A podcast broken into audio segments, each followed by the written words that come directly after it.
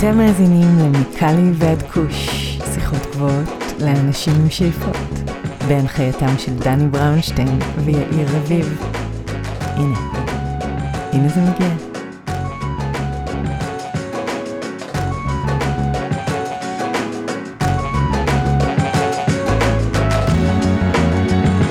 אהלן אהלן, שבוע טוב לכולם. שבוע שני ברציפות שאני משדר לבד, אז יאיר אכן חזר לו מספרד, אבל חזר לו עם קוביד.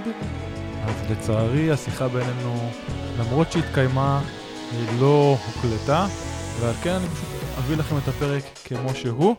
אז השבוע באופן לא מפתיע, אירחנו אורח בשם ארז בטט, וארז התארח אצלנו בתוכנית כבר בעבר, למי שזוכר, פרק אחד על קנאביס ותלות, והפרק השני שלו היה על התודעה ואיך קנאביס משפיע על התודעה. אז הבאנו אותו שוב לתוכנית, בפעם השלישית כאמור, ובפרק היום קצת הרחבנו והעמקנו אה, חלק מהתיאוריות שדיברנו עליהן בפרקים הקודמים, בדגש על תיאוריית קוטביות התודעה וגם תיאוריית קוטביות הקנאביס שארז עבד עליהם בשנים האחרונות. אז אני מציע שנעבור לפרק, מקווה שתהנו מארז בטט, ממליץ לעקוב אחרי הבן אדם הזה בחום, באמת אה, מעיין של ידע והשראה. אז זהו ארז בטט. ערב טוב, בוקר טוב לארז בטט. ברוך השב לתוכנית, מה שלומך? שלומי מצוין, תודה שהזמנת אותי שוב. בהחלט, אז אתה כאמור האורח הראשון שמגיע אלינו לתוכנית בפעם השלישית כבר, והפעם האחרונה רק להזכיר הייתה לפני איזה שנה וחצי בערך. אז לפני שאנחנו מתחילים, תן לנו אוריינטציה גיאוגרפית, איפה אנחנו מוצאים אותך היום?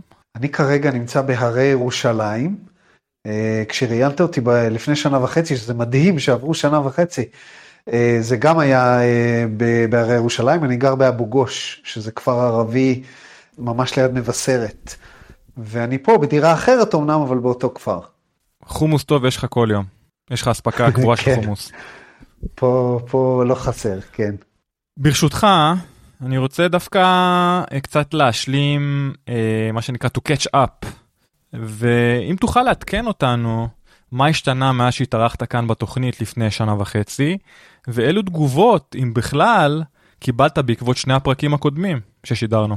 אז קודם כל, אה, אני רוצה להגיד שהראיון איתכם, גם הראשון וגם השני, היו אה, חלק מהראיונות הראשונים שעשיתי כשחזרתי לארץ. אני הייתי, חייתי אה, בחו"ל 22 שנה, וחזרתי לארץ כחצי שנה לפני הקורונה, אז בערך לפני שנתיים וחצי, ועשיתי איתכם ראיון, ועד היום, עד היום, דן, אני מקבל, אנשים באים לסדנאות של הקנאביס שלי, או אנשים מגיעים לקהילה שלי, ואני שואל אותם, איך הגעתם אליי? והם אומרים לי, אה, שמעתי אותך בקאלי טוקוש. Uh, מדי פעם זה קורה. זאת אומרת, uh, זה בהחלט היה לזה גלים לאורך זמן, וזה עדיין קורה.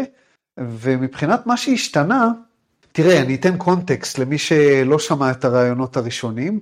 Uh, אני ביליתי את העשור האחרון במחקר של, של הקואליה השכלית. זה ביטוי שלא השתמשתי ברעיונות הקודמים. קואליה זה חוויה סובייקטיבית שלנו. והקואליה השכלית זה החוויה הסובייקטיבית השכלית. דהיינו, הדמיון, ההיגיון, הזיכרון, תחושת הזמן, דברים כאלה. וחלק מהמחקר הזה המשכתי כשהגעתי לארץ. ואז כמה דברים השתנו מאז שדיברנו לאחרונה. קודם כל, אה, התפתחה קהילה סביבי, שאני מאוד מאוד אה, מברך עליה, קהילה של אנשים מקסימים. אה, קהילה קטנה, מצומצמת, אבל מאוד נאמנה.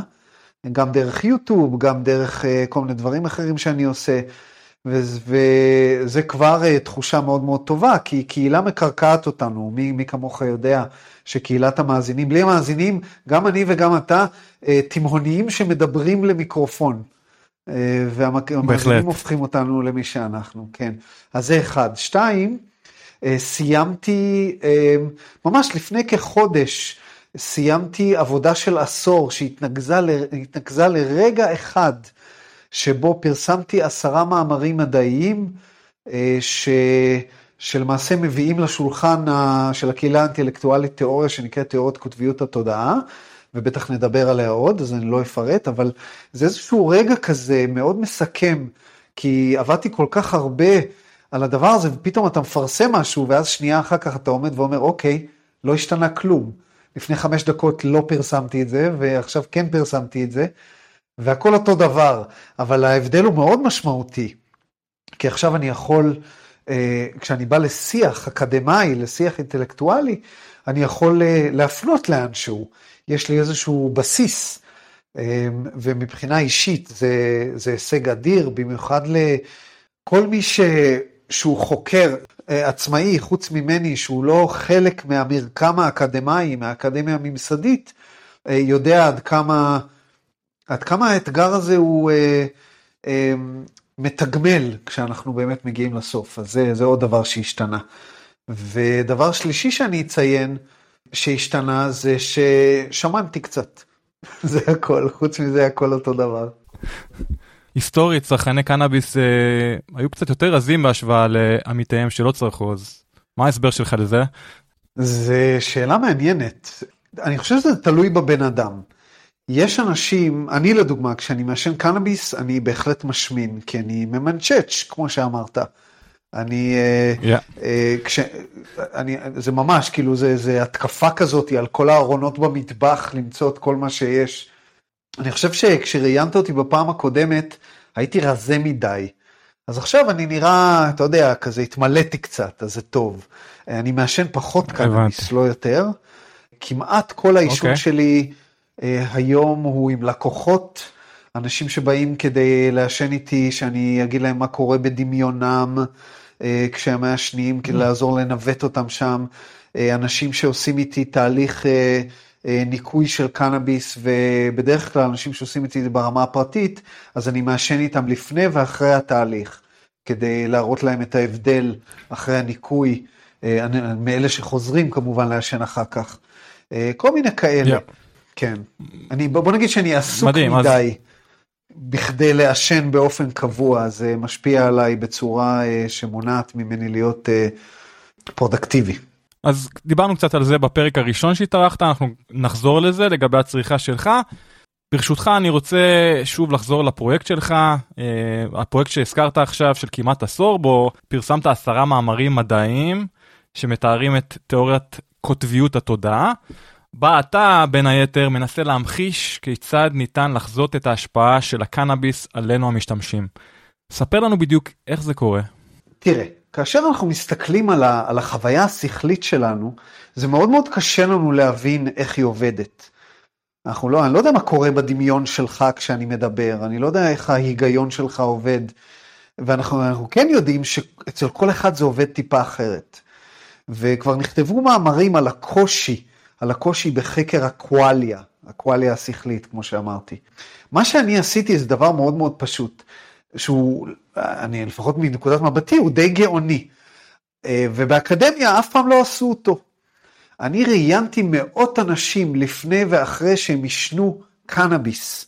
פחות בגלל שהתעניינתי בקנאביס, אלא זאת אומרת, בהתחלה זה היה ככה, אבל לאט לאט הבנתי שבגלל שיש איזושהי תנודה תודעתית בדמיון, בהיגיון, בזיכרון, כשאנחנו מעשנים קנאביס, אז אני אוכל למעשה למפות את השכל האנושי אם אני אראיין מספיק אנשים. לדוגמה, כאשר אני מראיין בן אדם, אני שואל אותו, מנסה להבין מה קרה לו בדיוק בדמיון. אז אם אני מראיין עוד 20 איש, 30 איש, 200 איש, 300 איש, אני מתחיל לראות איזושהי תבנית. לדוגמה, אני מתחיל לראות שזנים של סטיבה גורמים לאנשים לראות פחות תמונות בדמיון. ואז אני, אתה יודע, אני כמובן מתאר לך תהליך מאוד מאוד ארוך, בצורה מאוד לקונית ו- ו- ופשוטה, אבל אתה יודע, זה היה הרבה יותר מורכב מזה. אבל אם אנחנו, אני כותב בצד את העניין הזה שסטיבה משום מה אה, גורם לפחות תמונות בזיק... בדמיון, ואני ממשיך ו- ועושה את זה גם לנושא הזיכרון ולנושא ההיגיון, מה משתנה במלל שלנו, אנחנו מדברים אחרת כשאנחנו מעשנים, לפעמים אנחנו מדברים יותר, לפעמים אנחנו מדברים פחות, וכן הלאה וכן הלאה. ומקבץ השינויים האלה מאפשר לי אז לבוא ולומר, רגע, יש איזשהו מנעד אנושי לקואליה השכלית. מנעד אנושי ואנחנו יכולים ממש לתאר אותו, והקנאביס מניע אותנו על המנעד הזה. פה הקנאביס הופך לכלי לחקר תודעה. זאת אומרת, קנאביס הוא לא הנושא, קנאביס הוא כלי שמאפשר לנו לבדוק משהו, לחקור משהו, שעד היום לא הייתה לנו יכולת לבדוק. אנחנו יכולים לבדוק את המוח במעבדה, אבל אנחנו לא יכולים לבדוק את השכל. יכולים לבדוק מה קורה ב visual cortex של בן אדם, אבל אנחנו לא יכולים לבדוק מה באמת הוא דמיין ואיך הוא דמיין. והקנאביס עוזר לנו לבדוק את הדברים האלה, הוא עוזר לנו לבדוק את, ה, את השכל, לא את המוח. השכל הוא מטאפיזי, הוא, הוא, אי אפשר לגעת במחשבה, אי אפשר לגעת בדמיון, אי אפשר לגעת בזיכרון. אז המחקר שלי, למעשה בעזרת הקנאביס ככלי, הוא היה אחד הכלים, הוא לא היה הכלי היחיד, אבל הוא היה אחד הכלים. הצלחתי למפות איזשהו מנעד של השכל האנושי, ומתוך זה לעשות אינדוקציה לתיאוריה מסוימת, שתרצה ניכנס לזה, אבל התיאוריה בעצם באה ואומרת שהשכל האנושי הוא דו-קוטבי, ובין היתר, כדי להמחיש איך ה... מה זה, אוקיי, סבבה, השכל הוא דו-קוטבי, מה זה אומר? אה, כדי להמחיש, אני הוספתי שם שתי תיאוריות מאוד מוחשיות כדי להביא את זה לקרקע, אחת מהן היא תיאוריית קוטביות הקנאביס, והשנייה היא נקראת תיאוריית קוטביות האוטיזם. זאת אומרת, אני בא ואומר, בואו אני אראה לכם שזה שהשכל האנושי הוא דו-קוטבי, שאנחנו יכולים להסביר תופעה כמו אוטיזם בעזרת הדבר הזה. בואו אני אראה לכם שאם אנחנו מבינים שהשכל הוא דו-קוטבי, אנחנו יכולים להבין למה הקנאביס גורם לנו להיות היי, למה הוא משנה לנו את תחושת הזמן, למה הוא משנה לנו את הדמיון, את ההיגיון, את הזיכרון, את הקלט החושי וכן הלאה. אתה מדבר על, אה, על תיאוריית הקוטביות, כן? כתבת באחת הפסקאות של המאמר שלך, של השכל, של השכל האנושי הנורמלי, יש תכונות דו-קוטביות. למה בדיוק אתה מתכוון? מה זה אומר תכונות דו-קוטביות? זה יופי של שאלה. כי היא כללית מדי, אבל אתה ממקד אותי ומכריח אותי לענות על משהו שהוא, שהוא כל, כל, למעשה כל מאזין אומר, רגע, אתה אומר שהשכל שלי הוא דו-קוטבי, למה אתה מתכוון? תמחיש לי את זה אצלי. אז אני אענה ככה. תיאוריית קוטביות התודעה באה ואומרת, אנחנו לא חווים את המציאות עם שכל, אנחנו חווים אותו עם שניים. שני שכלים נפרדים לחלוטין, וכל אחד יש לו תפקיד אחר ולא רק שיש לו תפקיד אחר, הוא גם מתפקד אחרת. שכל אחד יוצר תחושת הזמן, שכל השני יוצר תחושת המרחב. השכל הראשון בהקבלה הוא פעיל, השכל השני סביל, סביל זה אומר שהוא לא מופעל אלא אם כן מפעילים אותו. השכל הראשון יוצר היגיון, מלשון הגיה, מלל, מחשבה, מחשבה מילולית. השכל השני יוצר דמיון, דמיון, דמיון, דהיינו אה, תמונות, דהיינו חושים, חושים שוכליים. והתיאוריה באה ואומרת, רגע, יש הבדל אובייקטיבי בין השניים. כל מחשבה שאנחנו חושבים, כל מלל, הוא למעשה זז מהעבר אל העתיד. אם זה לא היה ככה, היינו יכולים לעשות את הרעיון הזה בשנייה. אבל אנחנו לא יכולים, כי כל מילה שאני מוציא מהפה עובר זמן. וכל חוויה חושית שאנחנו חשים בדמיון, או במציאות, היא תמיד מתרחשת בהווה. עכשיו, ההפרדה הזאת בין שני הזכלים, היא עושה המון דברים, בין היתר עוזרת לנו להבין מה זה אוטיזם ואיך עובד קנאביס ברמה השכלית, ברמה של הקואליה השכלית, אבל מעבר לזה היא באה ואומרת לנו משהו מעניין. היא אומרת לנו שהשכל שלנו הוא דו-קוטבי בגלל שיש לנו שניים, ובכל דקה נתונה רק אחד מהם בשליטה. זאת אומרת, אנחנו יודעים את זה מהמוח, או שהאונה הימנית בשליטה או שהאונה השמאלית בשליטה. המוח הוא למעשה השתקפות של השכל. אם אנחנו נשנה את המחשבה, אנחנו יודעים שהמוח מכוות את עצמו מחדש. במילים אחרות, המוח הוא התגובה, הוא התוצאה, לא הסיבה. הסיבה היא השכל, השכל, כמו שאריסטו אמר לנו, אמר לנו, המטאפיזיקה באה קודם. הפיזי הוא תוצר של המטאפיזי. אנחנו קודם חושבים, ואז המוח משתנה בהתאם, או מגיב בהתאם. אז בעצם, מה שזה אומר עלינו, על בני האנוש, שאנחנו שתי ישויות. לא אחת, ואני מיד אסביר איך זה מתקשר לקנאביס. מה זאת אומרת שתי ישויות? אתה יודע, סיפור הבריאה הוא למעשה משל לאיך שעובדת התודעה, וכתוב שם זכר ונקבה ברא אותם. וכתוב את זה על אדם, לא על אדם וחווה. חווה עוד לא נולדה בכלל בקטע הזה. והרבנים תמיד מסתבכים כדי להסביר את זה. אבל התשובה היא מאוד ברורה, אנחנו שתי ישויות. יש בנו ישות אחת שבה השכל הוא שולט והגוף נשלט, וישות שנייה שבה השכל נשלט והגוף שולט. או במילים אחרות, השכל נקבי והגוף זכרי, ובישות השנייה השכל זכרי והגוף נקבי. ואלה מאיתנו שמעשנים קנאביס הרבה זמן יודעים שכשאנחנו מעשנים קנאביס זה כאילו אנחנו אדם אחר, אנחנו ישות אחרת. ואני מכיר המון המון אנשים שמשתמשים בקנאביס כדי להרגיש טוב יותר עם עצמם. אנחנו משתנים, אנחנו, אנחנו שונים. וזה הרעיון, אני מתכוון לזה ממש מילולית. השכל הוא דו-קוטבי. משל למה הדבר דומה? לכדור הארץ. התודעה היא כמו כדור הארץ, יש לה שני כתבים, קוטב צפוני, קוטב דרומי, תקרא לזה קוטב חיובי, קוטב שלילי, וכדור הארץ מאירה עליו השמש. עכשיו, בכדור הארץ השמש כל הזמן נעה. אצל רוב בני האדם, רק ישות אחת היא בשליטה. ישות אחת, אתה יודע, אנחנו מתקבעים עם איזושהי אה, אישיות בגיל הטיפש עשרה, וזו האישיות שמלווה אותנו לשארית חיינו. זה כאילו השמש זורחת רק על צד אחד של הכדור. אבל קנאביס ודרכים אחרות כמובן, כל מיני דרכים אפשר לעשות את זה. אנחנו מפתחים את הישות השנייה ואנחנו נהיים מאוזנים יותר. גברים יכולים להפך לבעלי אינטליגנציה אה, רגשית, אה, ממש מפתחים את הצד הנשי שלהם. נשים יכולות לפתח את הצד הגברי שלהם יותר. אנחנו, ברגע שאנחנו מאירים את מכלול הפלנטה, אנחנו נהיים בני אדם מאוזנים יותר. אמ, ולמעשה, כשאנחנו חושבים על זה, מה זה פיצול אישיות? שים לב שבכל הסרטים של פיצול אישיות, יש איזשהו משהו שחוזר על עצמו. ישות אחת לא יודעת שהשנייה קיימת. זאת אומרת, יש איזשהו אובדן זיכרון yeah. כזה או אחר. במקרים כאלה, מה שקורה זה כשאנחנו לא מפתחים את אחת הישויות ודורסים אותה בצורה מאוד מאוד חזקה, אז הישות הזאת שנדרסה, שנדחסה, היא, היא זועקת ובאיזשהו שלב היא יוצאת בצורה פראית. ו, ו, זאת אומרת, הגישה הזאת שהשכל הוא דו-קוטבי ושאנחנו בעצם שתי ישויות, היא מסבירה גם תופעות כאלה. ו, ואני רוצה להגיד לך משהו בקשר לקנאביס, האנשים שאני עובד איתם, זה נדיר, זה נדיר שאני נתקל בבן אדם שלא מזדהה עם הרעיון הזה של שתי ישויות בצורה מאוד עמוקה. רוב בני האדם שאני נפגש איתם, שאני עובד איתם, גם אומרים לי, אה, כן, יש לי עוד שם. וברגע שאנחנו מסתכלים על הדברים yeah. בצורה הזאת, אז הרבה יותר קל לנו לקבל את עצמנו במנעד של האישיות שבאמת יכולה להיות לנו.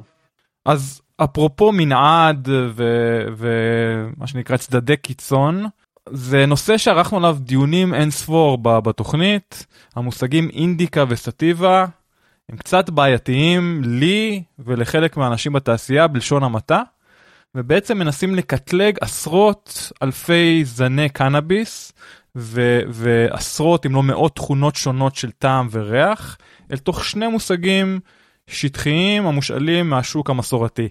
מה הטק שלך בעניין? הטק שלי הוא שקודם כל אתה צודק.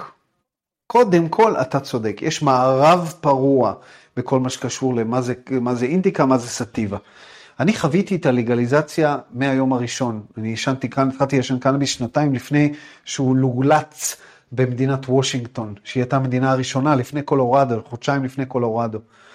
ואני זוכר שכשהייתי נכנס לחנות בתחילת הבלגן, הייתי מבקש סטיבה, הייתי מקבל מה שרוב האנשים בעולם יקראו לו סטיבה, הד היי כזה, אתה יודע. אם הייתי מבקש אינדיקה, הייתי מקבל אה, אינדיקה. יותר מזה, הייתי יכול לבקש 100% אינדיקה, אה, אפגן כוש. הייתי יכול לבקש 100% סטיבה, אה, דורבן פויזן.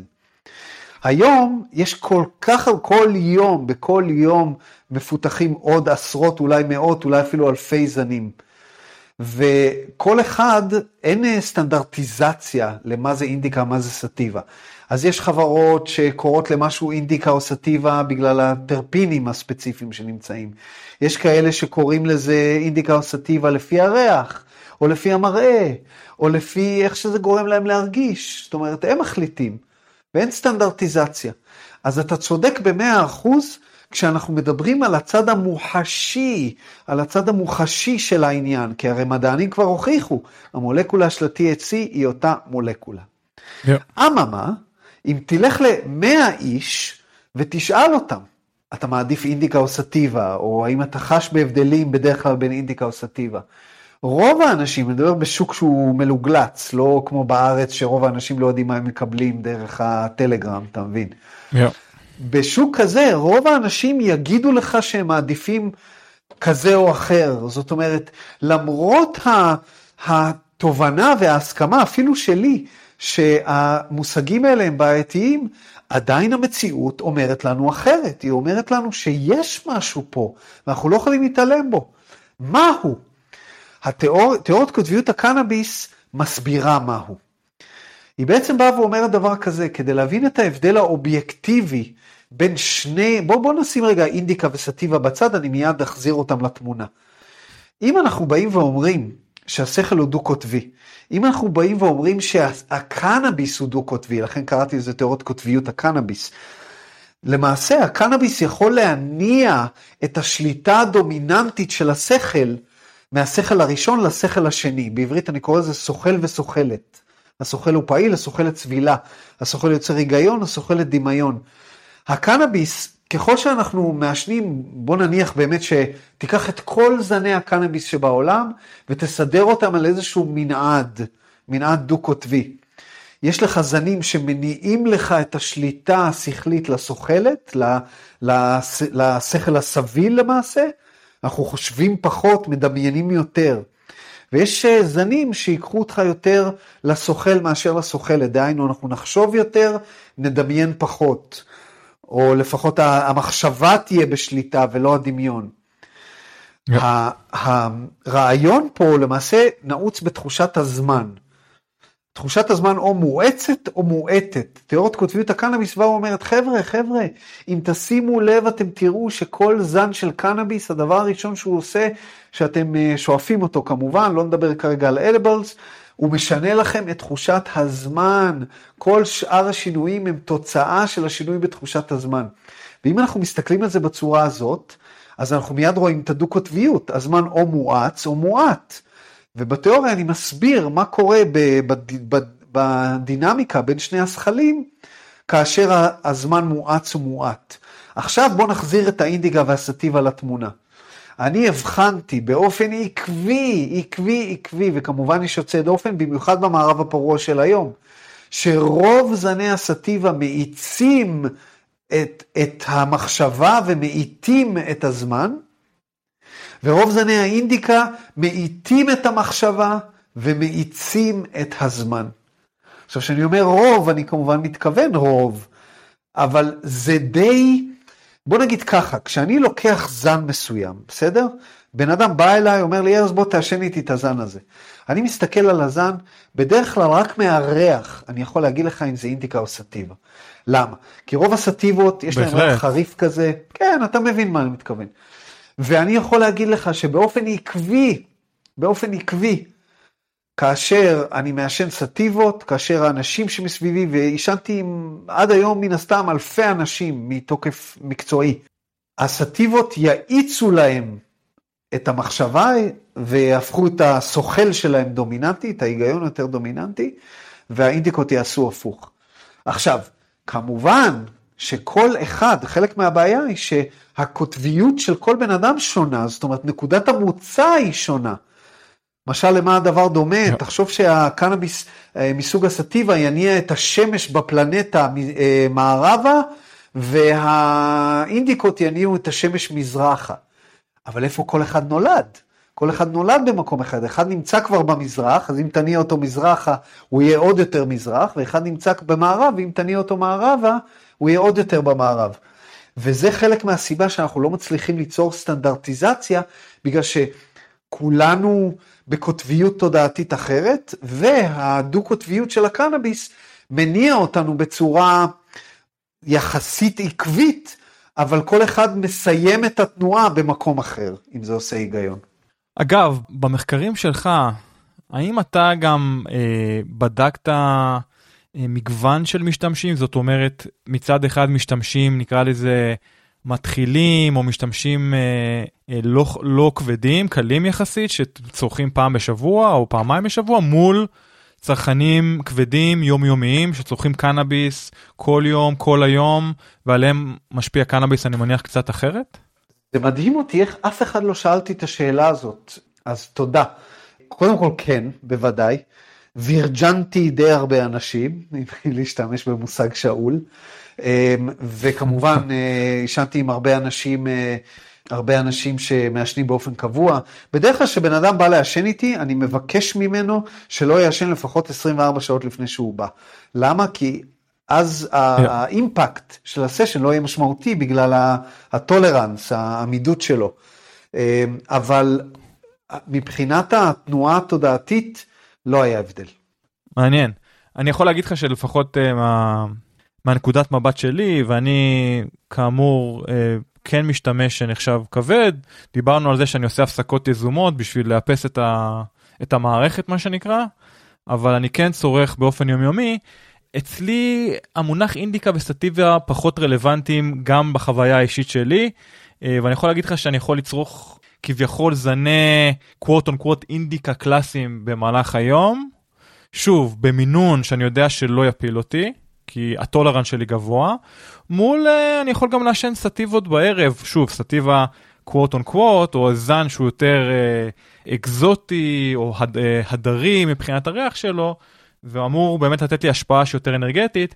שוב, uh, מבחינתי המנעד בהשפעה, אה, כן. לי וגם למשתמשים כמו יאיר ועוד למשתמשים כבדים, המנעד לא יהיה כזה רחב יחסית, והוא יהיה כן. יותר תלוי גם באופן הצריכה, שזה, הזכרנו edibles מול vaping מול עישון, אז איך אתה צורך כמובן גם משפיע על החוויה, ויותר מהכל, בנקודה הזאת אני יכול להגיד שהכמות, ה dose, הכמות כן. שאתה צורך, אה, מבחינתי כמשתמש כבד, כל עוד הכמות היא נקרא לזה אה, יחסית כמות קטנה או כמות רגילה, אז, אז לא תהיה השפעה אה, אינטנסיבית, אני לא אהיה overwhelmed כן. מההשפעה. אם כן. אני אשלש את הכמות או ירבע אותה, אז כמובן שההשפעה תהיה דרמטית שונה לחלוטין. ברור. אוקיי? אז מבחינתי, אז, כן. שוב, אני, אני אסגור פה סוגריים, מבחינתי הדוסג', הכמות, אה, יש לה לא פחות משקל מ... אתה יודע, האם זה זן שמגיע ממשפחת האינדיקה או הסטיבה, או פרחוני, כן. או קוקיז, או, או גז וכאלה, אלה באמת הכמות. סליחה שהארכתי. כן. המיקרופון שלך. לא, אה, אני נהנה, נהנה לשמוע אותך, ואני רוצה להגיב על זה קצת, כי קודם כל, לא רק הכמות, כמו שאמרת, ותודה שהזכרת, אלא גם העובדה שכשמעשנים הרבה, אז הטולרנס עולה, העמידות עולה, ואז אה, אה, מרגישים פחות את ההשפעה. אבל מעבר לזה, יש אנשים, ואני יכול להגיד לך שמניסיוני, זה משהו בסדר גודל של בין 10 ל-15 אחוז ככה, אנשים שאצלהם ההשפעה של הקנאביס מבחינת הזנים, זאת אומרת, הם תמיד יגידו לך, תשמע, ההבדל בין סטיבי לאינדיגה אצלי הוא לא כזה משמעותי. אבל הם, מניסיוני, האנשים האלה, שאצלהם באמת אין הבדל, הם יחסית במיעוט. עכשיו, מעבר לזה אני אגיד לך עוד משהו. יש עניין של עמידות טבעית. יש אנשים שאני מכיר שמעשנים ג'וינט, ג'וינט שלם, ג'וינט שלם, אני מדבר איתך כאילו נקי. ואתה יודע, הם תפקידים כאילו כלום לא קרה. ואני בא ואני לוקח שחטה אחת מהג'וינט הזה, ובמשך שעתיים וחצי, השכל, כאילו המחשבות שלי טסות במהירות מטורפת, יש לי אובדן זיכרון יחסי, בזיכרון המוחשי שלי הולך לי, בקיצור, ההשפעה על אנשים מסוימים היא הרבה יותר חריפה. אני חושב, דרך אגב, שחלק מהסיבה שאני עשיתי את המחקר הזה, זה בגלל שההשפעה הייתה כל כך חריפה אצלי, אז יכולתי לראות הבדלים מאוד מאוד משמעותיים בתנודה התודעתית. ואם הייתי אתה לדוגמה, אז אתה יודע, כאילו קשה לשים לב כאשר יש טיפה יותר אור או פחות יותר אור בחדר. אבל אם יש חושך ופתאום מישהו מדליק את האור, אז אתה ממש רואה הבדל, וזה אותו דבר מה שקרה אצלי. Yeah. אמ, ואתה יודע, זה, אצל כל אחד זה שונה. אני חושב שאם אה, דבר. היית בא ובאמת לא מעשן איזה שלושה ארבעה ימים, אני חושב שהייתי מצליח להראות לך את ההבדל התודעתי בין אינדיקה וסטיבה, ויותר מזה, יש דברים, אתה יודע, הלכתי פעם עם אה, מורה דרך אה, לטיול בעיר העתיקה בירושלים, עכשיו אני גדלתי בירושלים, מה כבר הוא יכול ללמד אותי? אבל יש משהו במורה דרך שהוא מצביע על דברים שאם לא היה שם לא היית מסתכל. ולכן אנשים הרבה פעמים באים לעשן איתי, כי אני, אני שואל אותם שאלות תוך כדי העישון, לפני ואחרי, שבדרך כלל הם פשוט לא שמים לב אליהם. כמו לדוגמה אנשים שבזמן העישון הופכים להיות עיוורים בדמיונם באופן זמני, שדיברנו על זה גם בראיונות הראשונים. וזה yeah. קורה להם, אבל אם לא הייתי שואל אותם, הם לא היו שמים לב שזה קרה. אגב, בהקשר הזה אה, של השוני בין הזנים, איך אתה חושב תעשיית הקנאביס יכולה לאמץ את אה, רעיון השוני בין זנים שונים כשוני אובייקטיבי ולא רק סובייקטיבי? כן, זו שאלה קשה, כי אני חושב שהתעשייה כבר uh, עברה כמה גלגולים, וללכת אחורה עכשיו ולהגיד uh, כן אינדיקה, סטיבה, כן, לא, זה קצת בעייתי. אגב, רק, רק, רק להמשיך כן. את האינדיקה סטיבה, זאת אומרת, הדור, הדור השני שבעצם פתח את, ה, את הטרנד של התעשייה החוקית פה בקליפורניה, פיתח את העניין של האינדיקה וסטיבה לרמה של השפעות, אוקיי? של uplifted, aroused, כן. sedated, כן. כל מיני מוצרים שלא קיבלו את, ה, את התווית של האינדיקה או סטיבה או את ההייבריד, כן. אלא קיבלו תווית כן. של השפעה, של כביכול הכנו לך פורמולציה מיוחדת. שתשפיע כן. עליך בצורה מסוימת לסיטואציות מאוד מסוימות. עכשיו זה יכול להיות כן. זן מסוים, כן? זן ש...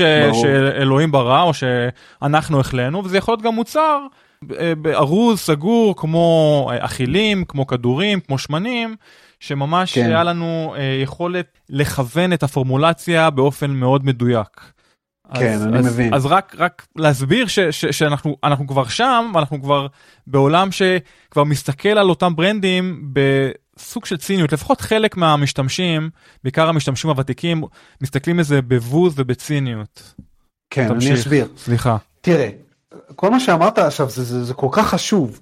כל המושגים האלה שאמרת, uplifting, euphoric, כל הדברים האלה, זה דימויים מופשטים, זה, זה סובייקטיבי. בן אדם מסוים, מסוים יגיד לך זה אני uplifted, בן אדם יגיד לך uplifted, אה, כן, לא, זאת אומרת, זה דברים מאוד מאוד סובייקטיביים, יותר מזה, יתרה מכך. תן לי זן מסוים של, וזה קרה לי כל כך הרבה פעמים, זן מסוים שעישנתי אותו עם איזה מישהו ונקרענו מצחוק, ואז אני אגיד, אה, אני יכול להגיד על הזן הזה שהוא זן אה, אה, very entertaining, גיגלי. רגע, אני יכול להמציא, גיגלי, כן. מצוין, תודה רבה, ידעתי כן. שתביא לי את המילה. ומצד שני, אני למחרת אעשן אותו עם איזה מישהו אחר, והלך הרוח יהיה טיפה יותר רציני, ופתאום כל הגיגלי כבר לא שם. אז אפליפטית זה גם תלוי בסביבה, וזה תלוי גם בבן אדם. אז בוא נחזור לשאלה שלך, כי שאלת שאלה חכמה. אתה אמרת, איך אנחנו יכולים להפוך את זה למשהו אובייקטיבי? יפה. אז בואו נלך קדימה, קדימה, קדימה, בסדר? אנחנו לא שם, אבל בואו ניקח את תיאוריית קוטביות התודעה, וננסה להבין תיאוריית קוטב... אה, קוטביות הקנאביס. תיאוריית קוטביות הקנאביס באה ואומרת שזנים מסוימים יאיצו את השכל שמניע את המחשבה, המחשבה יש לה תאוצה. כל דבר שנע מהר יותר או לאט יותר, יש לו תאוצה. וזני האינדיקה יאטו אותה. עכשיו, את המחשבה, את מהירות המחשבה, אם היא האצה או האטה, בפוטנציאל אנחנו יכולים לבדוק. אולי אנחנו לא יכולים לבדוק את המהירות שלה, אבל אולי אנחנו יכולים לבדוק אם היא האצה או האטה. למה? כי יש הבדל בין מחשבה לדמיון. היום המדע לא מבחין ביניהם, זה היופי, זה הייחודיות של תיאוריות קוטביות התודעה, שהיא באה ואומרת, לא, לא, לא, כשאתם אומרים אני חושב, אה, כן, הנה אני חושב עכשיו, אני רואה תמונות של כך וכך, הרבה אנשים מבלבלים, בכלל המדע ככלל מבלבל בין הדמיון למחשבה. אם ברגע שאנחנו מפרידים ביניהם, אז אנחנו יכולים, יכולים לעשות uh, uh, תהליכי מדידה מאוד מאוד ספציפיים, על מנת כדי לבדוק אם המחשבה המילולית, המילולית בלבד, הוא עצה או הוא עתה.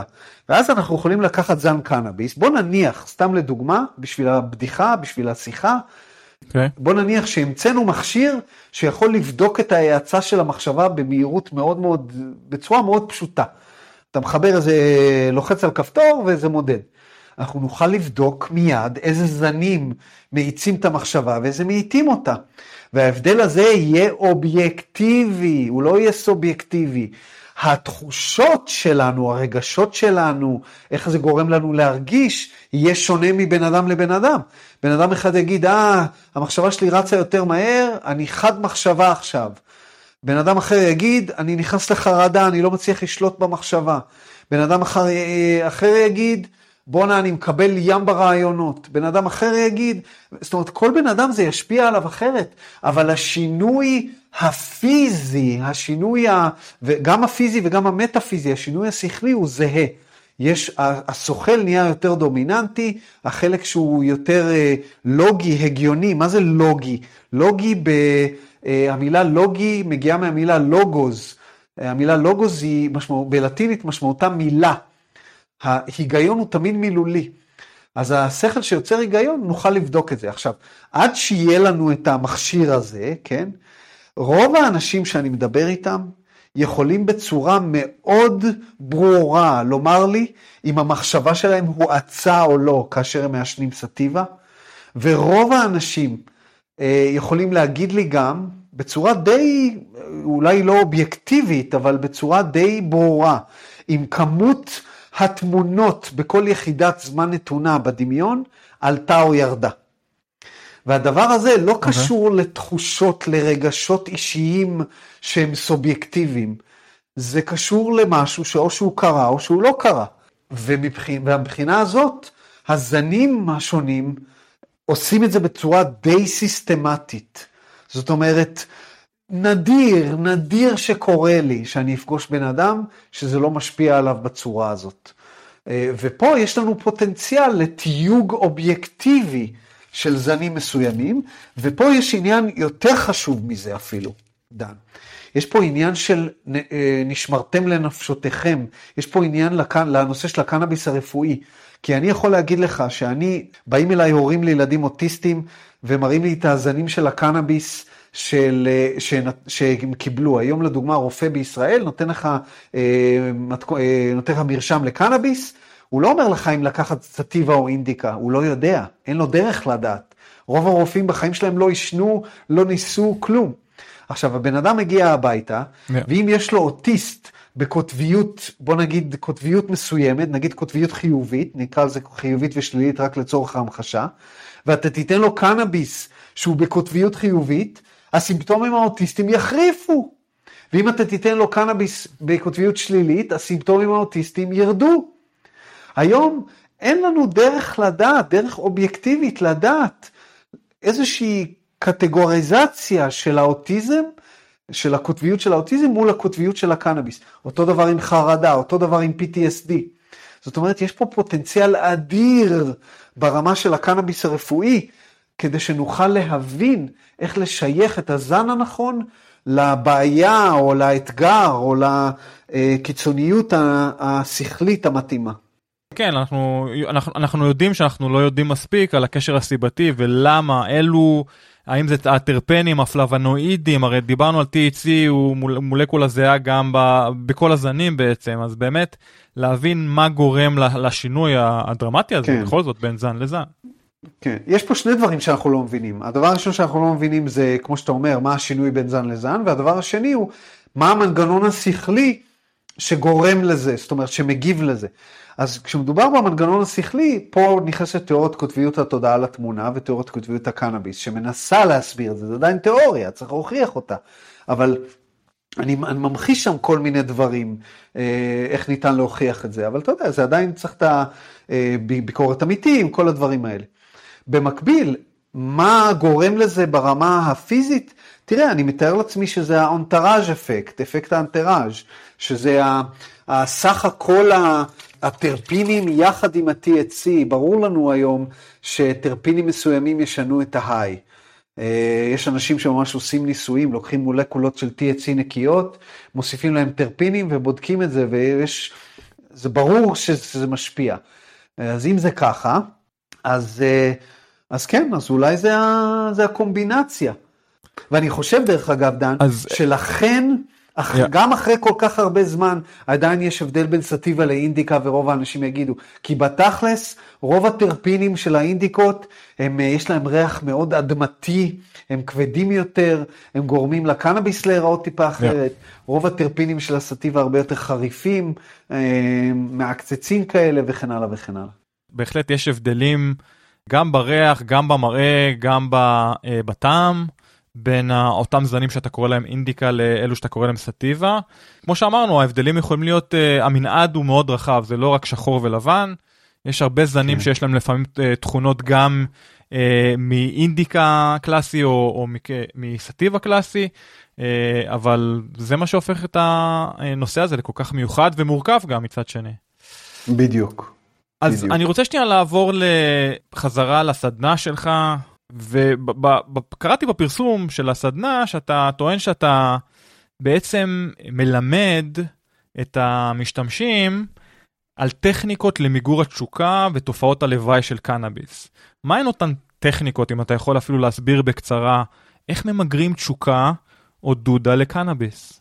תראה, אה, קודם כל לתת קונטקסט למי שלא יודע על איזה סדנאות אתה מדבר, אולי לא שמע את הרעיון, אני מריץ סדנאות שנקראות אומנות אהבת הצלילות. זה סדנאות שאני עושה במשך אה, למעלה משנה וחצי, עשיתי אותן בהתנדבות אה, לגמרי. אה, הם היו ללא תשלום, היום אני אה, מאוד מקפיד על דמי רצינות, אה, מאוד אה, סמליים, ממש, אה, אתה יודע, בסדר גודל של כמה מאות שקלים, כי גיליתי שזה מחייב את האנשים יותר. ברגע ששמת משהו, אתה יודע, יש איזשהו חוזה לגמרי. אנרגטי. עכשיו, בסדנאות האלה, בדיוק כמו שאמרת, אני מנסה, הסדנאות האלה נועדו לאנשים שבעיקר, לא רק, יש אנשים שבאים כדי להפסיק לעשן לגמרי, אבל זה נדיר, הייתי אומר שזה בערך עשרה אחוז.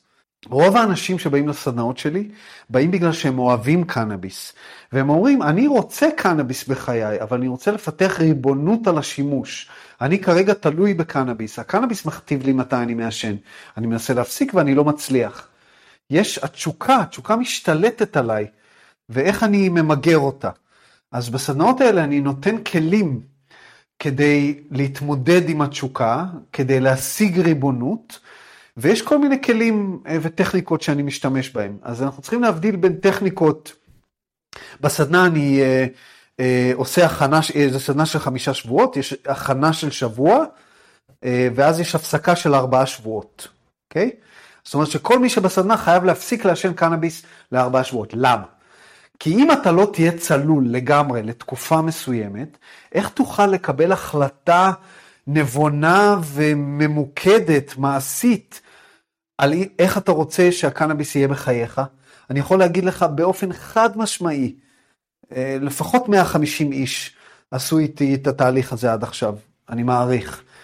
אמ, ואני יכול להגיד לך באופן חד משמעי, שלמעלה מ-90% מהם מגלים מישהו אחר לחלוטין כשהם צלולים. זאת אומרת, הם אומרים, וואו, אני לא זכרתי שהזיכרון יכול להיות כזה טוב.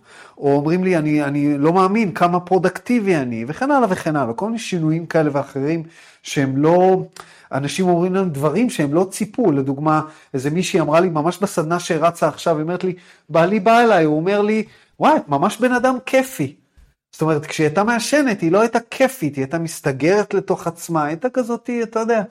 זאת אומרת, יש כל מיני דברים שקורים, ופתאום אנחנו מכירים בן אדם חדש, את האני הצלול. עכשיו, זה לא האני הצלול של אה, לפני שהתחלתי לעשן קנאביס, כי האני הזה כבר השתנה, הקנאביס שינה אותנו, פיתח לנו את התודעה, ואנחנו פוגשים איזשהו אני חדש. ברגע שאנחנו פוגשים את האני החדש הזה, אנחנו קצת מתאהבים בצלילות, לכן זה נקרא אומנות אהבת הצלילות. וההתאהבות הזאת בצלילות עוזרת להוריד לנו את התשוקה לקנאביס. כי מה קורה אחרי הסדנה? אני נותן להם כלים לחזור לשימוש בצורה ריבונית, בצורה אחראית, אני עובד איתם על כל, יש כל מיני טכניקות שאני אזכיר עוד אחת עוד מעט. ו, ואז הם חוזרים ומעשנים, ופתאום הם מרגישים איך העיניים, ושוב, אתה בן אדם שזה משפיע עליו פחות, אבל רוב האנשים, ההשפעה היא מאוד מהותית. לדוגמה, הייתי עם איזה מישהו, עשיתי איתו תהליך אישי, גם את זה אני עושה, יש אנשים שלא רוצים את הקבוצות, והוא בא, עשה איתי איזשהו תהליך אישי, והלכתי לעשן איתו, אחרי שהוא חזר לעשן, הוא אמר, אני רוצה לעשן איתך. ואני נכנס לבית, והבן אדם קורן, יש לו אור, אתה יודע, האנרגיה שלו, הוא בן אדם, הבן אדם היה צלול, אצלו זה היה חמישה שבועות.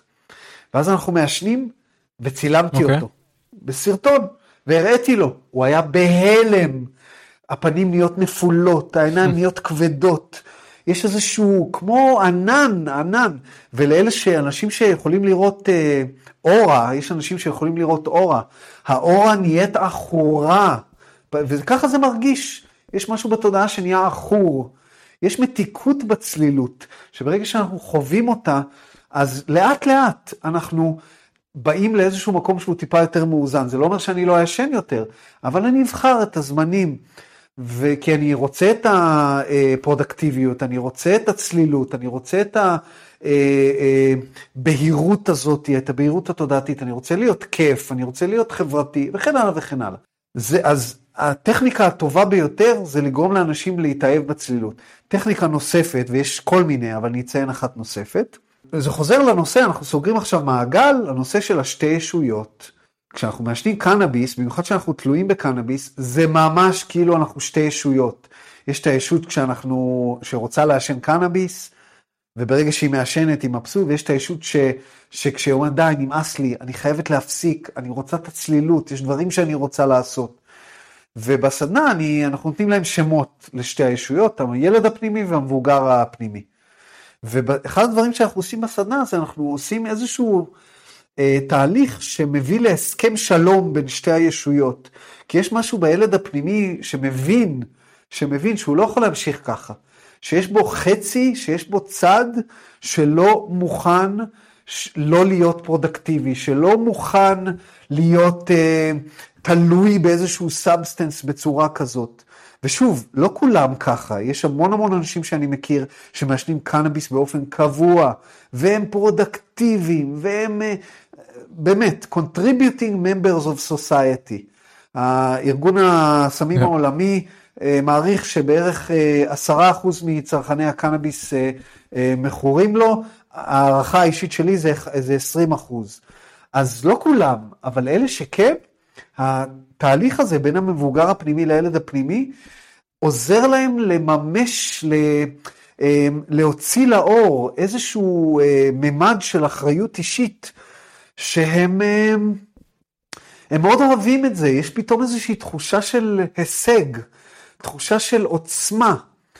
ושוב, יש עוד אולי, כלים. תשמע, אולי זה גם דופמין, תמיד, תמיד מדברים על קנאביס, אה, אה, סם, ובעיקר פעולת העישון, אה, ש, שהיא מפרישה דופמין במוח, אני חושב שגם כשאתה מפסיק לעשן ועומד במשימה הזאת, בעיקר אם זו משימה ארוכה, דיברת על 4-5 שבועות לפחות, זה גם סוג של אה, עמידה במשימה. בוודאי. וגם שם הדופמין אה, משתחרר. בוודאי. בוודאי, בוודאי, אה, ואתה יודע, אנחנו יכולים, ברגע שאנחנו מסתכלים על הסלט של מה שקורה במוח, במישור הפיזי, אין לזה סוף, אתה יודע, יש כל כך הרבה אלמנטים, שזה קצת קשה להגיד מה כן, מה לא. והקטע הזה של הניצחון, הניצחון על ה substance, הוא דועך באיזשהו שלב. אז אה, אתה צריך משהו yeah, הרבה. יותר עמוק כדי, כדי להמשיך אותו. אבל תשמע, זה עובד, זה עובד. אה, ו... וזה זה, זה איזושהי פעילות שאני עושה שאני מאוד מאוד אוהב ומאוד אה, גאה בה, כי אה, כאדם שסבל מתלות, וכמו שאתה רואה, אני עובד עם קנאביס, אני מתפרנס מזה ממש uh, ברבדים מסוימים. אה, לפחות חלק מ... אה, אני לא מדבר על הסדנאות, אני מדבר על אה, לקוחות שבאים לעשן איתי, או חברות קנאביס, שממש לאחרונה התחלתי במישור של ייעוץ. אז יש איזשהו... אני לא יכול להתעלם מקנאביס, אני לא יכול לא לעשן אותו לעולם. זה חלק מההוואי שלי, ורוב האנשים מרגישים ככה. אז אם אני יכול לסייע לאנשים לחיות חיים טובים יותר, אז, אז אני מאושר. אז כחלק מהסדנה למיגור התלות בקנאביס אתה מציע גם, כאמור, למגר לחלוטין את התלות, מול האפשרות השנייה של הפחתה משמעותית. אה, בשתי האפשרויות אתה מוביל את המשתתפים למיגור התלות, אבל אז הם חלק בוחרים להפסיק וחלק ממשיכים עם מידתיות. איך יודעים אם משתמש תלוי צריך להפסיק או להפחית? קודם כל רק האדם עצמו יכול לדעת. אני מדגיש אבל, בסדנאות אבל האדם שלי. עצמו לא, לא בהכרח יודע, כי אתה- בעצמך אומר שזה סוג של מאבק פנימי בין המבוגר נכון. האחראי לילד, אבל אם הילד שבתוכי אה, עדיין רוצה להמשיך לעשן, והוא עדיין הדומיננטי בדיאלוג הזה בין, בין, בין המבוגר ל, לילד, אז זה אומר שכמעט תמיד אני אעדיף את האופציה השנייה של להמשיך בצורה כזו או אחרת, לא? אני חושב שכשאנשים מגיעים אליי, אז הגיעו מים עד נפש באיזשהו שלב. זאת אומרת, המבוגר האחראי כבר, משהו קרה והוא אומר, אני לא יכול להמשיך ככה. אז אם הם כבר באו, תראה, אני, אני מאוד מאוד מאוד מקפיד, לדוגמה, יש, אה, קורה לי הרבה פעמים האמת, שאימא מתקשרת אליי, אה, ולא יודע למה זה תמיד אימא, לא אבא, ואומרת לי, אני רוצה שהילד שלי יהיה בסדנה שלך, או חבר אומר לי, אני רוצה לקנות לחבר שלי את הסדנה שלך. ואני תמיד אומר, לא, לא מוכן, זה צריך לבוא מהם. עד שהבן אדם עצמו לא מתקשר אליי, אני לא מכניס אותו לסדנה. אני צריך שזה יבוא מהבן אדם. שכשבן אדם אומר לי, תשמע, אני החלטתי לעשות את התהליך הזה, אני לא יודע מה יהיה בסוף. אני יודע שאני חייב לנסות, זה, זה, אני לא יכול ככה יותר. אז הוא הגיע לאיזושהי רוויה. עכשיו, במ- במהלך התהליך, אני אומר לכולם, אני אומר, אתם מחליטים לכמה זמן אתם מפסיקים. מינימום ארבעה שבועות, זה אחרת אתם לא נכנסים לסדנה, אבל יש אנשים שמחליטים שלושה חודשים. והרבה אנשים אומרים, אני מפסיק לארבעה שבועות ואז אני אחליט. ו... ואני חושב שיש איזשהו פחד פנימי, שאם אתה, אם אתה, הרי מי צריך להפסיק לגמרי? ההפסקה לגמרי, הקטע הזה של אני אתנתק, אני לעולם לא אעשן יותר קנאביס, הוא בא ממקום של פחד, הוא בא ממקום של ה... אני לא מסוגל, אם יהיה לי קנאביס אני אעשן, אם אני, ברגע שאני אתחיל לעשן זה מדרון חלקלק, אני לא עומד בזה. זאת אומרת שאיזשהו, באיזשהו מקום זה נקודת ביניים לחופש האמיתי. חופש אמיתי תמיד בא עם גבולות, אם אין גבולות אין חופש, זה לא חופש, זה, זה כאוס. אז יש הרבה אנשים שמרגישים שעבורם נקודת הביניים הזאת זה המקום הנוח והמקום הטוב. הם מורידים אפליקציה לדוגמה וסופרים כמה ימים ויש לי כאלה שהיו אצלי בסדנאות ששולחים לי הנה אני כבר שנה וחצי אה, בלי קנאביס. אה, והספירה הזאת, ההמשכיות הזאת היא מה שמחזיקה אותם. יש כאלה. אבל רוב האנשים אה, שבאים לסדנאות שלי הם לא שם, הם מבינים, אני נותן, אני אתן לך איזשהו דימוי שאני נותן בסדנה, ואז אתה תבין למה אני מתכוון. Okay. בוא נניח שיש לך ממלכה, ממלכת דן, אוקיי? ובממלכה הזאת יש איזושהי גבעה שאתה מאוד מאוד אוהב, כי כל יום שישי אתה הולך ומעשן עליה ג'וינט וצופה בשקיעה, אתה קורא לה גבעת הקנאביס, כי גם גדל שם קנאביס. וזה הממלכה שלך, יש לך ריבונות על הממלכה שלך, צבא, ממשלה, הכל. יום אחד באים אליך נתיניך ואומרים לך, תקשיב, הגיעה איזושהי ספינה מהים עם חיילים, כבשו את גבעת הקנאביס, קראו, שמו דגל שלהם עכשיו. מה תעשה? כולם עונים לי בדיוק את אותה תשובה. אני אקח את הצבא שלי ואני אעיף אותה משם, מה זה? זה הגבעה שלי. זה אותו דבר.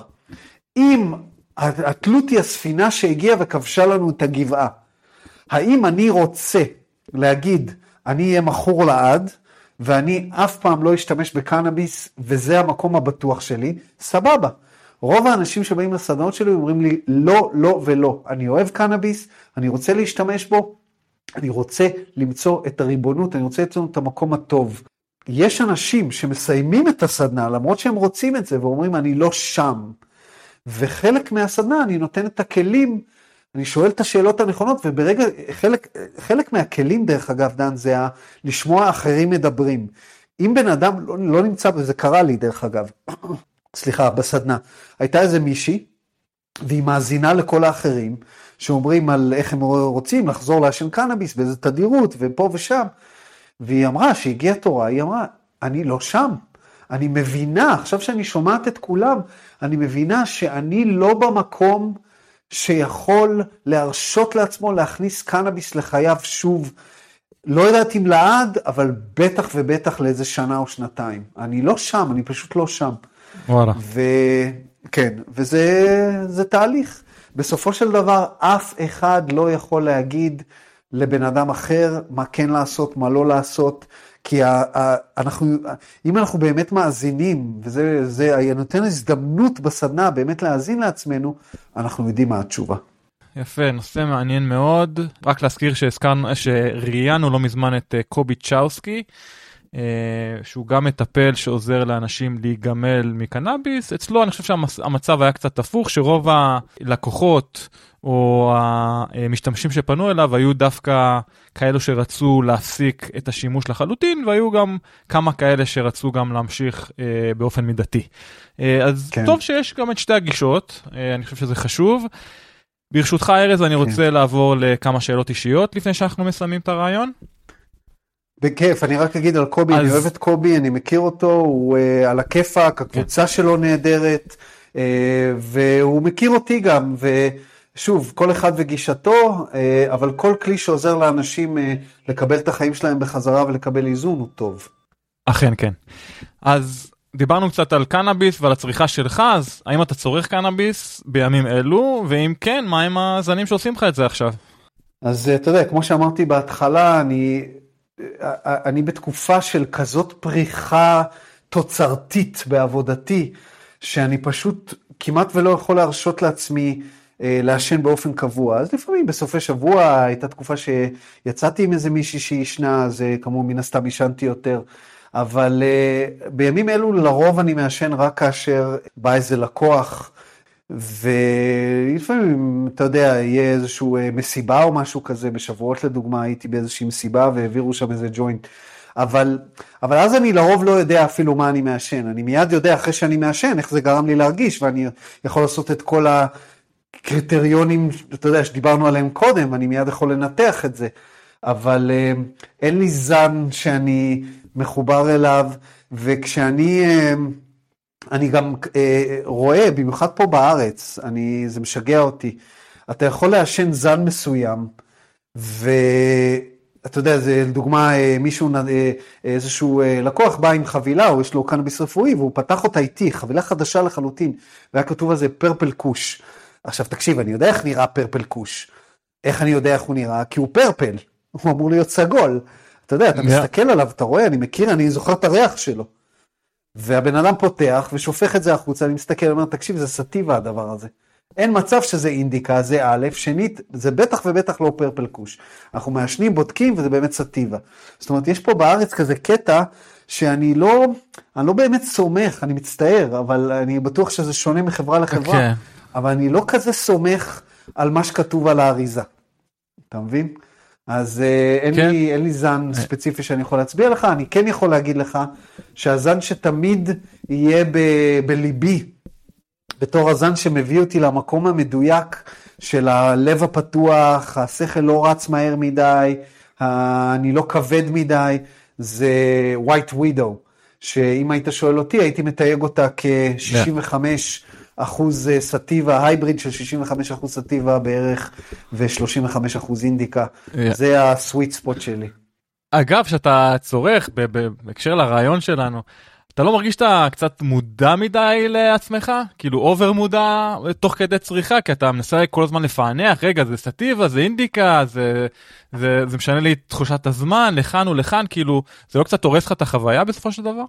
אתה יודע איך זה, כשיש לך פטיש ביד, אה, כל דבר נראה כמו מסמר, אז אתה צודק. אה, אבל במקביל, אתה יודע, אני עושה את זה כל כך הרבה זמן, שקצת נמאס לי. אז הייתה לי תקופה שממש עזבו, לא, לא רוצה לנתח, לא רוצה כלום. אז אני אתן לך דוגמה מאוד מאוד ספציפית מהשבועות, מחג השבועות האחרון, שבאמת הייתי במסיבה והעבירו איזשהו ג'וינט. וכשעישנתי, אז אתה יודע, היה איזושהי שנייה של מטה קוגנישן. מטה קוגנישן זה מחשבה על מחשבה, שאתה חושב על איך שאתה חושב תוך כדי שאתה חושב. אז הייתה איזו שנייה של yeah. מטה קוגנישן, אה, כמה שניות אפילו. אני חושב שאפילו החלפנו איזה, איזה בדיחה על זה, אבל מעבר לזה הלכתי וישבתי עם המוזיקאים, ונהניתי מהמוזיקה, והיה לי כיף, ולא חשבתי אפילו לרגע על, ה, על הדברים האלה. זאת אומרת, האובססיביות שהייתה לי מזה, אה, די עברה. דרך אגב, היא, היא מאוד מאוד פחתה ברגע שהגעתי לשלב סיום המאמרים. זה כאילו היה לי איזושהי אג'נדה, וברגע שהשלמתי את משימתי, אז כבר היה לי יותר קל, ואני כבר פחות חושב על זה. יפה. אז uh, לרוב אנחנו מדברים על מוזיקה בתוכנית, אבל החלטנו לשנות, בכל זאת את הפעם שלישית כבר פה. איזה סרט השפיע עליך רבות ועל מי שאתה היום? אה, וואו, איזה שאלה. אה, אם לא סרט, אם לא סרט, אז אתה יכול ללכת על במאי אהוב, כן. במאי אהוב או ז'אנר כן, אהוב אני, אפילו. אני אלך על, תראה, אני, קוונטין טרנטינו תמיד היה מאוד אהוב עליי, אבל אני לא יכול להגיד לך שהסרטים שלו השפיעו עליי, אה, על החיים שלי, אני פשוט אוהב את ה... אהבתי את, ה, את, ה, את הפעילות שלו. אה, את במשך הבידור. שנים, מאוד מאוד, אה, כן. אה, מה שכן, עולה לי סרט, אז אני אלך עם ה... אתה יודע, הסוכלת, דיברתי על הסוכלת שהיא סבילה. מה זה זאת Yeah. סבילה? היא מגיבה. אתה אמרת סרט, עלה לי, אני לא רואה בדמיון, אני עיוור בדמיוני, דיברנו גם על זה בפודקאסים הקודמים, אבל עלה לי מיד לתודעה איזשהו סרט, אז אני אציין אותו. יש סרט שנקרא The Fall, הנפילה.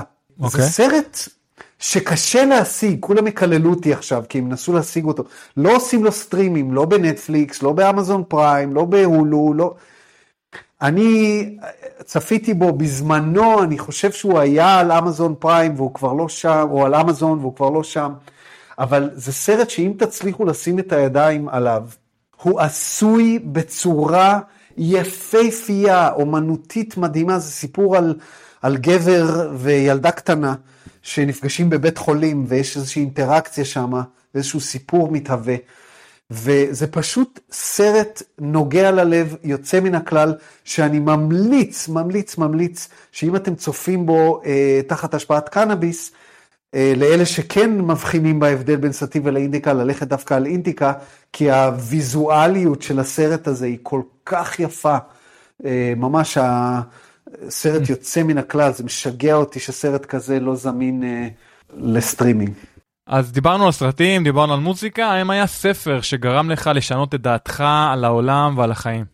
Mm, זו שאלה קלה. אה, כן, חד משמעית כן.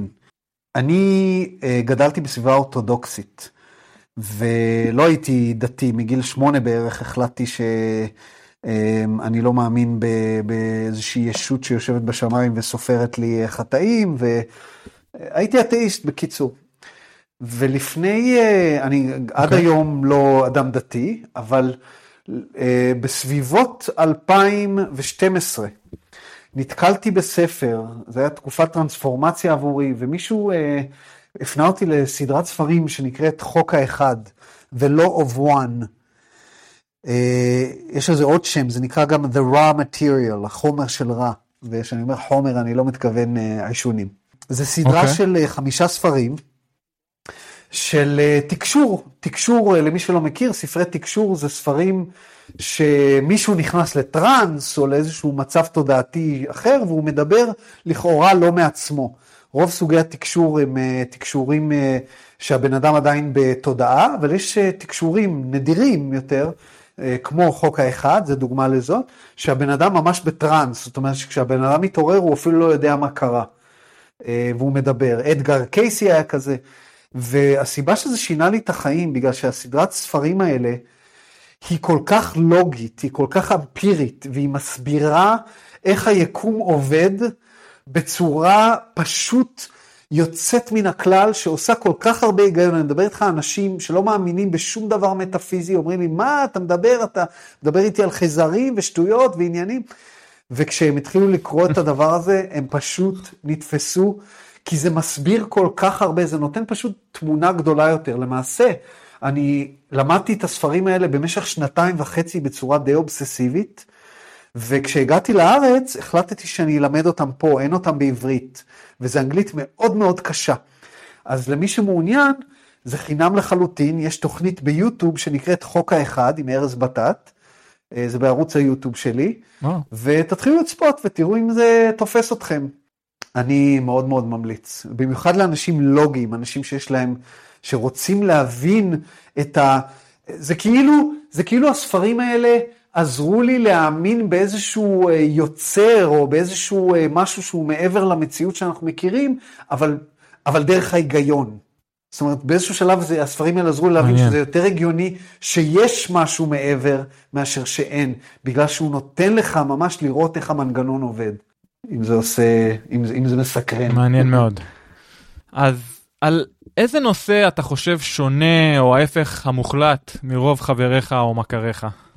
או-אה, אה, תשמע, אני לא אכנס לפוליטיקה ולא לדברים כאלה, אבל אני כן אגיד לך אה, שבכל הנושא של זוגיות, אני לא בן אדם סטנדרטי, ואני בן אדם שהיה לו המון המון אה, אהבה בחייו. אה, לפני כארבע שנים סיימתי מערכת יחסים נישואים של 13 שנה עם אישה שכשסיימנו את נישואינו, שדרגנו את נישואינו לחברות טובה.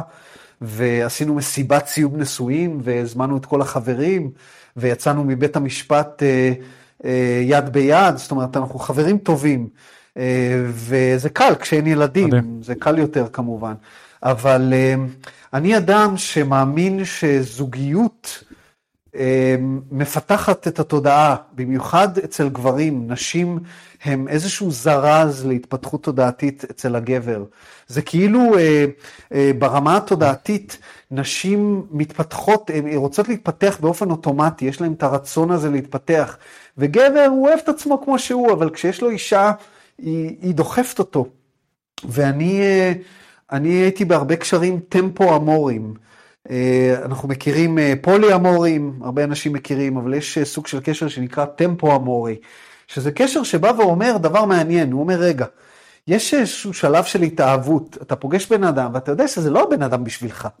אתה יודע, אתה כבר, זה, זה לאנשים שכבר מנוסים, אתה לא בן 20, אתה לא בן 30, אני בן 47 היום, אני יודע מה אני אוהב, אני יודע מה אני לא אוהב, אני, אני יודע מה אני מחפש. ואתה פוגש בן אדם ואתה יודע, אתה לא רוצה לחיות yeah. איתו, אתה לא רוצה... קשר טמפו אמורי זה קשר שאין בו רובד פיזי. אתה לא פוגש את המשפחה של הבן אדם, אתה לא עובר לגור ביחד, אין שום דבר כלכלי שמשתלב.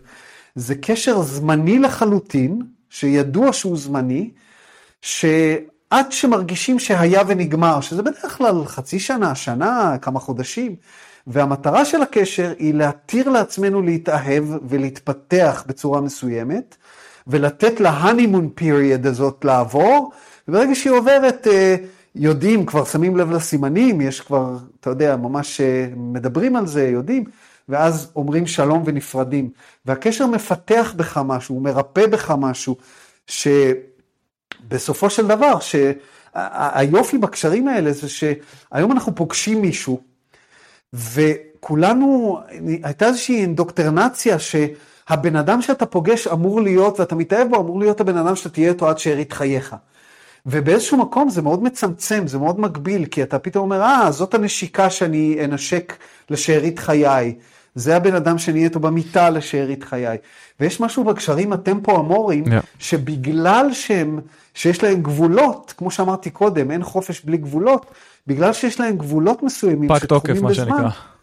כן, אז הם, יש איזשהו חופש אדיר להיות מי שאתה. כי אתה יודע, זה לא משהו ש... אתה פשוט עם הבן אדם כמו שאתה, ויש איזשהו משהו מאוד מתוק בדבר הזה. אז זה, זה תחום שאני, אה, שאני לא כ, כרוב חבריי ומכריי. יפה. אז בכל זאת, שאלה אחרונה, חייבים לדבר על מוזיקה. מהי ההופעה החיה שתיחרט לך בזיכרון לעולמי עולמים, ולמה? תראה, אני בן אדם שלא הלך להרבה הופעות חיות, בגלל ש... אה, אני חושב שאמרתי לך את זה בריאיון הראשון, או בצורה פרטית, אני, יש לי נגיעה בעולם האוטיזם, אני כזה רגל אחת קצת אה, על הספקטרום, אה, ותמיד היה לי חרדה חברתית, ובמקומות מוצפים זה קשה לי. אבל הייתה הופעה שמאוד רציתי ללכת, בילדותי מאוד הרצתי את מדונה. בשנות, גדלתי בשנות ה-80, 90, תחילת שנות 90. וכשגרתי בארצות הברית היא הופיעה בלאס וגאס, ואחותי בדיוק ביקרה, אז הלכנו לראות את מדונה בלאס וגאס. וההופעה הזאת נחרטה לי בזיכרון, אבל אה, לא בגלל משהו טוב, אלא בגלל שכל כך הזדעזעתי מהצורה שבה מדונה שרה על הבמה ביחס לאיך שהכרתי אותה שרה בהקלטות, שפשוט זה, כאילו, ההבדל היה שמיים וארץ. ואז ראיתי את ה Dixie Chicks בסאנד פוינט באיידהו, וזו הייתה הופעה פשוט יוצאת מן הכלל. אני לא כזה Dixie Chicks fan, אבל היה משהו בג'אם, באלתורים וביכולת הווקאלית, שפשוט uh, ההבדל, זה, זה די שתי ההופעות היחידות שהייתי, למעט כמובן הופעות uh, uh, מוזיקה וואו. מקצועיות, uh, אבל מבחינת זמרים, זה שתי ההופעות החיות היחידות שהייתי, אה, וההבדל ביניהם היה כל כך משמעותי, שנחרט לי בזיכרון. אז לפחות הייתה לך חוויה מתקנת אחרי מדונה. בהחלט, ואני רק רוצה לומר, אני מאוד אוהב מוזיקה ואני מאוד מאוד, אחד התחביבים שלי, זה פשוט לשבת ולהסתכל על מוזיקאים שהם בג'אם אחד עם השני. אני לא יודע לנגן על שום כלי, אבל יש איזושהי תקשורת שקורית שם, שזה פשוט yeah. מרתק אותי ואני פשוט נסחף. ונראה, אין, אם מישהו שאל אותי, תגיד ארז, בא לך איזה חוויה כיפית, מה תביא לי איזה ג'וינט טוב, ולשבת להסתכל על מוזיקאים, וכל אחד מצטרף עם הכלי שלו, ונוצר שם איזשהו משהו, אין, זה, זה, זה חוויה עילאית עבורי. אני מסכים בהחלט. שמוזיקאים מתחברים ביחד ונוצרת מוזיקה, בעיקר אם זה ספונטני, קסם טהור, עם או בלי קנאביס. כן, כן. עוד לא ראיתי מישהו שמנגן מוסיקה על במה, מנגן, או על זה, מנגן מוסיקה, ולא מאושר. אתה מבין מה אתה מתכוון? כאילו, אתה יושב, אתה מנגן, אתה שמח. לגמרי. יפה, ארז בטט, היה עונג גדול לארח אותך שוב אה, לפרק שלישי במיקלי ועד כוש. תודה רבה רבה שהגעת אלינו היום. לפני שאנחנו מסיימים, איך אפשר לעקוב אחריך, למצוא את כל הסדנאות שלך אה, וכל הפרויקטים האחרים שאתה מעורב בהם? תודה שהזכרת לי, זה מסוג הדברים שאני תמיד צריך להזכיר בהתחלה. בטט.קום, פשוט, B-A-T-A-T, אה, בטט.קום, וזה שם. יש שם לינקים לערוץ יוטיוב. מדהים. יש שם לינקים אה, לדברים השונים, אה, וגם, כן, וגם דרך ליצור איתי קשר. תענוג, ממליץ בחום, מאחל לך רק טוב והרבה, ושתמשיך לעזור לאנשים למצוא את האני שלהם, או להחזיר את האני שלהם בחזרה. אני רוצה להודות לך וגם ליאיר שלא נמצא על, ה, על ההזמנה, ותמיד תמיד עונג לבוא ולהתראיין אצלכם, ותודה על כל השאלות העמוקות, ו, ולהתראות.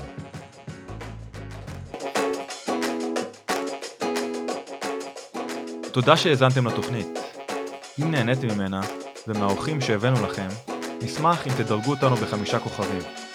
כל דירוג או ביקורת חיובית יעזרו לנו להמשיך להביא לכם את האורחים הכי שווים בתעשיית הקנאביס. יש לכם הצעה לאורח או נושא מעניין?